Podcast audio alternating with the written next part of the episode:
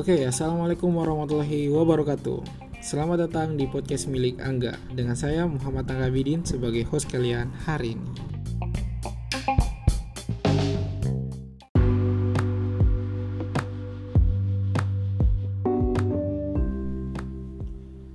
Cek cek. Assalamualaikum warahmatullahi wabarakatuh. Kembali di podcast milik Angga hari ini. Saya akan membahas mengenai salah satu judul ya. Zona nyaman. 14 Desember 2020 hari Senin. Kembali lagi saya membuat podcast. Sejak terakhir saya buat podcast itu tanggal 31 Mei 2020 juga. Wow lama sekali ya. Mei Juni Juli Agustus September Oktober November Desember selama beberapa bulan itu memang bagi kita kayak menutup mata karena selama ini kan kita masih dilanda dengan wabah pandemi untuk seluruh daerah ya seluruh dunia juga bahkan. Di sini singkat saja zona nyaman yang saya maksud adalah zona yang saya lewati selama beberapa bulan. Itu dimulai dari atau transisi dari masa kerja ke kuliah. Ya kuliah. Sekarang saya jadi mahasiswa kembali. Kembali menempuh jalur mahasiswa bangku perkuliahan. Mungkin pertanyaan-pertanyaan saya coba saya susun untuk kita diskusikan di hari ini ya.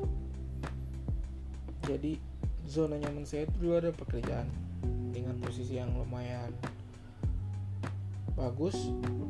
Dengan gaji juga yang lumayan cukup.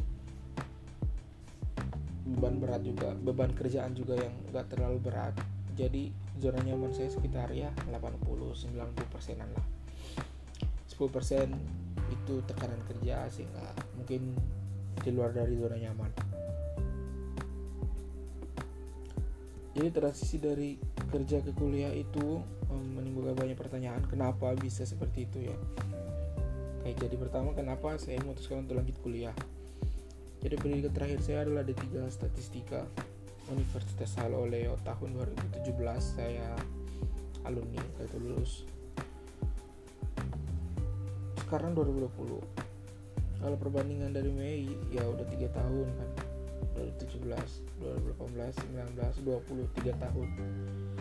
Saya baru lanjut di Agustus jadi tiga tahun lebih itu saya memutuskan untuk kerja mulai dari 2017 itu sampai Mei 2020 saya kerja di badan usaha milik negara. Nah kenapa tiba-tiba lanjut kuliah?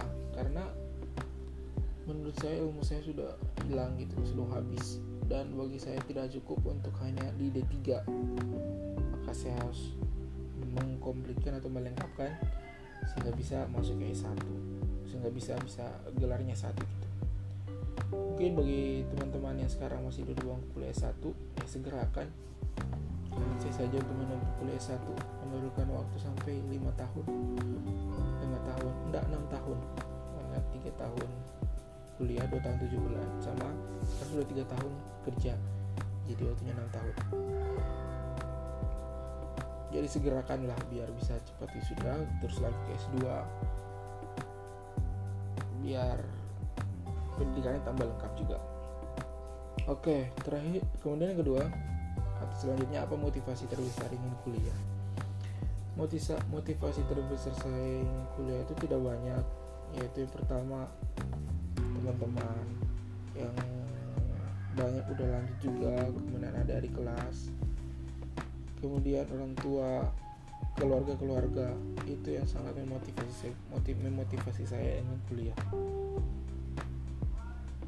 Jadi melihat teman-teman tadi itu yang udah selesai nematin satunya membuat dalam hati juga ingin terpacu biar bisa lanjut ke S1 walaupun mungkin dalam keadaan terlambat tapi bagi saya untuk pendidikan tidak ada terlambat di muka bumi ini. Selagi kita masih mau berusaha pasti akan ada jalan lah. Bagaimana perasaan memilih kuliah di dibanding memilih kerja? Wih perasaan bercampur aduk. Kalau boleh bilang hmm, pertanyaan pasti akan banyak muncul lah. Kenapa meninggalkan pekerjaan? Kenapa ngambil kuliah? Terus nanti ketika udah selesai kuliah apakah bisa kerja lagi apakah bisa dapat posisi pekerjaan yang bagus seperti ketika kerja sebelum ditinggalkan? Ya ketika saya memilih kuliah itu adalah pilihan saya dan saya banggakan pilihan itu. Saya semangat akan pilihan itu. Saya bahagia dengan pilihan itu juga. Jadi perasaan saya sangat bahagia. Kenapa? Karena saya bisa lanjut dan saya ada di jalan untuk lanjut itu proses selanjutnya ketika saya wisuda nanti ketika saya bisa mendapatkan pekerjaan lagi itu adalah hasil result dari yang keputusan yang sudah saya lakukan ini. Artinya ketika saya sudah lulus wisuda saya bisa mendapatkan pekerjaan ya berarti selama saya kuliah saya niatnya udah bagus udah baik. Sungguh-sungguh dan bisa menyelesaikan kuliahnya dengan cepat. Tapi ketika saya selesai nanti terhambat eh berarti perasaan saya selama kuliah itu nggak ikhlas. Kebanyakan main-main dan lain-lain. Ya seperti itu. Oke selanjutnya di mana kuliah? Kalau kuliah sekarang di Semarang di kampus Universitas Muhammadiyah Semarang. Jurusan dia S1 statistika lintas jalur. Walaupun kata kelas karyawan ya tapi saya menganggapnya kayak kelas biasa reguler. Biar kerja tugas dan lain-lain itu sungguh-sungguh dilakukan. Berbeda dengan karyawan lain saya mungkin dapat subsidi ya dari keluarga pemasukan untuk uang dan lain-lain. Siapa yang memotivasi kuliah? Ya sudah saya katakan tadi ya motivasi terbesar itu dari keluarga. Jelas keluarga ayah saya orang tua. Hari itu saya dipanggil oleh teman. Nah teman juga ini motivasi juga. Namanya Widiono dia manggil Kangga mau lagi kuliah? Saya kebetulan nggak ada teman. Cuma sendiri aja ke Semarang. Bagaimana kalau ikut?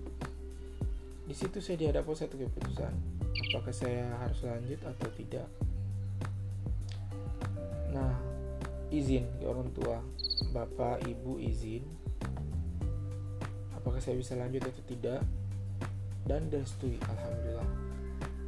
Ditanya lagi pekerjaan kamu gimana? Aku usahain biar pindah dan lain-lain ya namun mungkin nggak direstui sama pihak pekerjaannya. Dan saya juga ngebet ingin cepat-cepat kuliah ya udah memutuskan untuk berhenti. Mengapa memilih kuliah dibanding kerjaan ya sudah tadi ya. Kemudian kembali ke inti pokok zona nyaman. Menurut saya ya zona nyaman itu adalah suatu zona yang dibuat oleh diri kita sendiri. Di mana zona itu lahir dari semua keputusan yang sudah kita kumpulkan sudah sudah kita tetapkan sehingga kita bisa nyaman berada di zona itu paham nggak? Maksudnya gini ketika kita punya suatu pilihan artinya kita memilih untuk membuka lembaran baru kita memilih untuk membuat zona baru kita memilih untuk membuat ruangan baru di situ. Membuat box baru lah. Ketika kita keluar dari satu box ke box lain nah kita dihadapkan oleh satu pilihan. Nyaman atau enggak pilihan itu tentunya dari kita sendiri yang buat kalau kita menjalani hari-harinya kita di zona baru itu dengan nyaman? Maka insya Allah zona tersebut akan dikatakan lagi zona nyaman juga. Jadi tidak hanya zona nyaman itu dalam satu zona aja. Contoh nih kamu nyaman sama menggunakan baju yang berkerah lurus. Suatu saat kita ingin ngambil kerak formal. Baju yang berkerah formal. Nah ketika kita mengambil suatu baju kita kita memilih suatu baju yang kerahnya formal dan kita kenakan dengan nyaman. Percaya mungkin suatu saat kita akan nyaman juga dengan baju yang itu. Ya seperti itulah menurut saya kata dari zona nyaman. Saya pindah dari zona kerja ke zona kuliah. Di mana zona kuliah itu kata orang membosankan banyak tugas bebannya berat. Enggak juga. Selagi kita enjoy enjoy aja. Padahal aku masuk kuliahnya itu di di masa-masa pandemi seperti ini. Di mana semua serba online tugas dikerjakan online. Enggak enggak tugas offline lah. Tetap buka dengan dosen online kerja kelompoknya juga bahkan online. Bahkan ini udah masuk PKL guys. PKL nya juga online. Nah itu yang saya maksud. Kalau orang tidak berpikir zona nyaman mungkin pikirannya tentang wah kuliah susah banget ya. Harus diselesaikan secepatnya nih. Gitu harus. Pokoknya apa ya maksudnya tidak dibuat nyaman dibuat menjadi tekanan. Ya jangan kita buat itu sebagai zona nyaman baru kita. Itu yang sama zona nyaman. Oke mungkin itu saja ya. Mungkin teman-teman punya pengalaman seperti saya. Intinya zona nyaman itu adalah zona yang kita buat nyaman. Itu aja. Jangan tetap stay kesehatannya ya protokol kesehatan tetap dijalankan mari berdoa banyak semoga pandemi cepat selesai dan Januari kita bisa tatapan muka bisa offline maksudnya. Walaupun ini sekarang udah tatap muka sih. Kita bisa kuliah offline bisa duduk-duduk bareng teman-teman bisa kumpul-kumpul lagi bareng keluarga yang jauh mungkin. Doakan saja semoga pandemi cepat selesai. Itu saja saksikan eh, tetap senantiasa menunggu podcast selanjutnya. Saya Muhammad Tanggawi. Assalamualaikum warahmatullahi wabarakatuh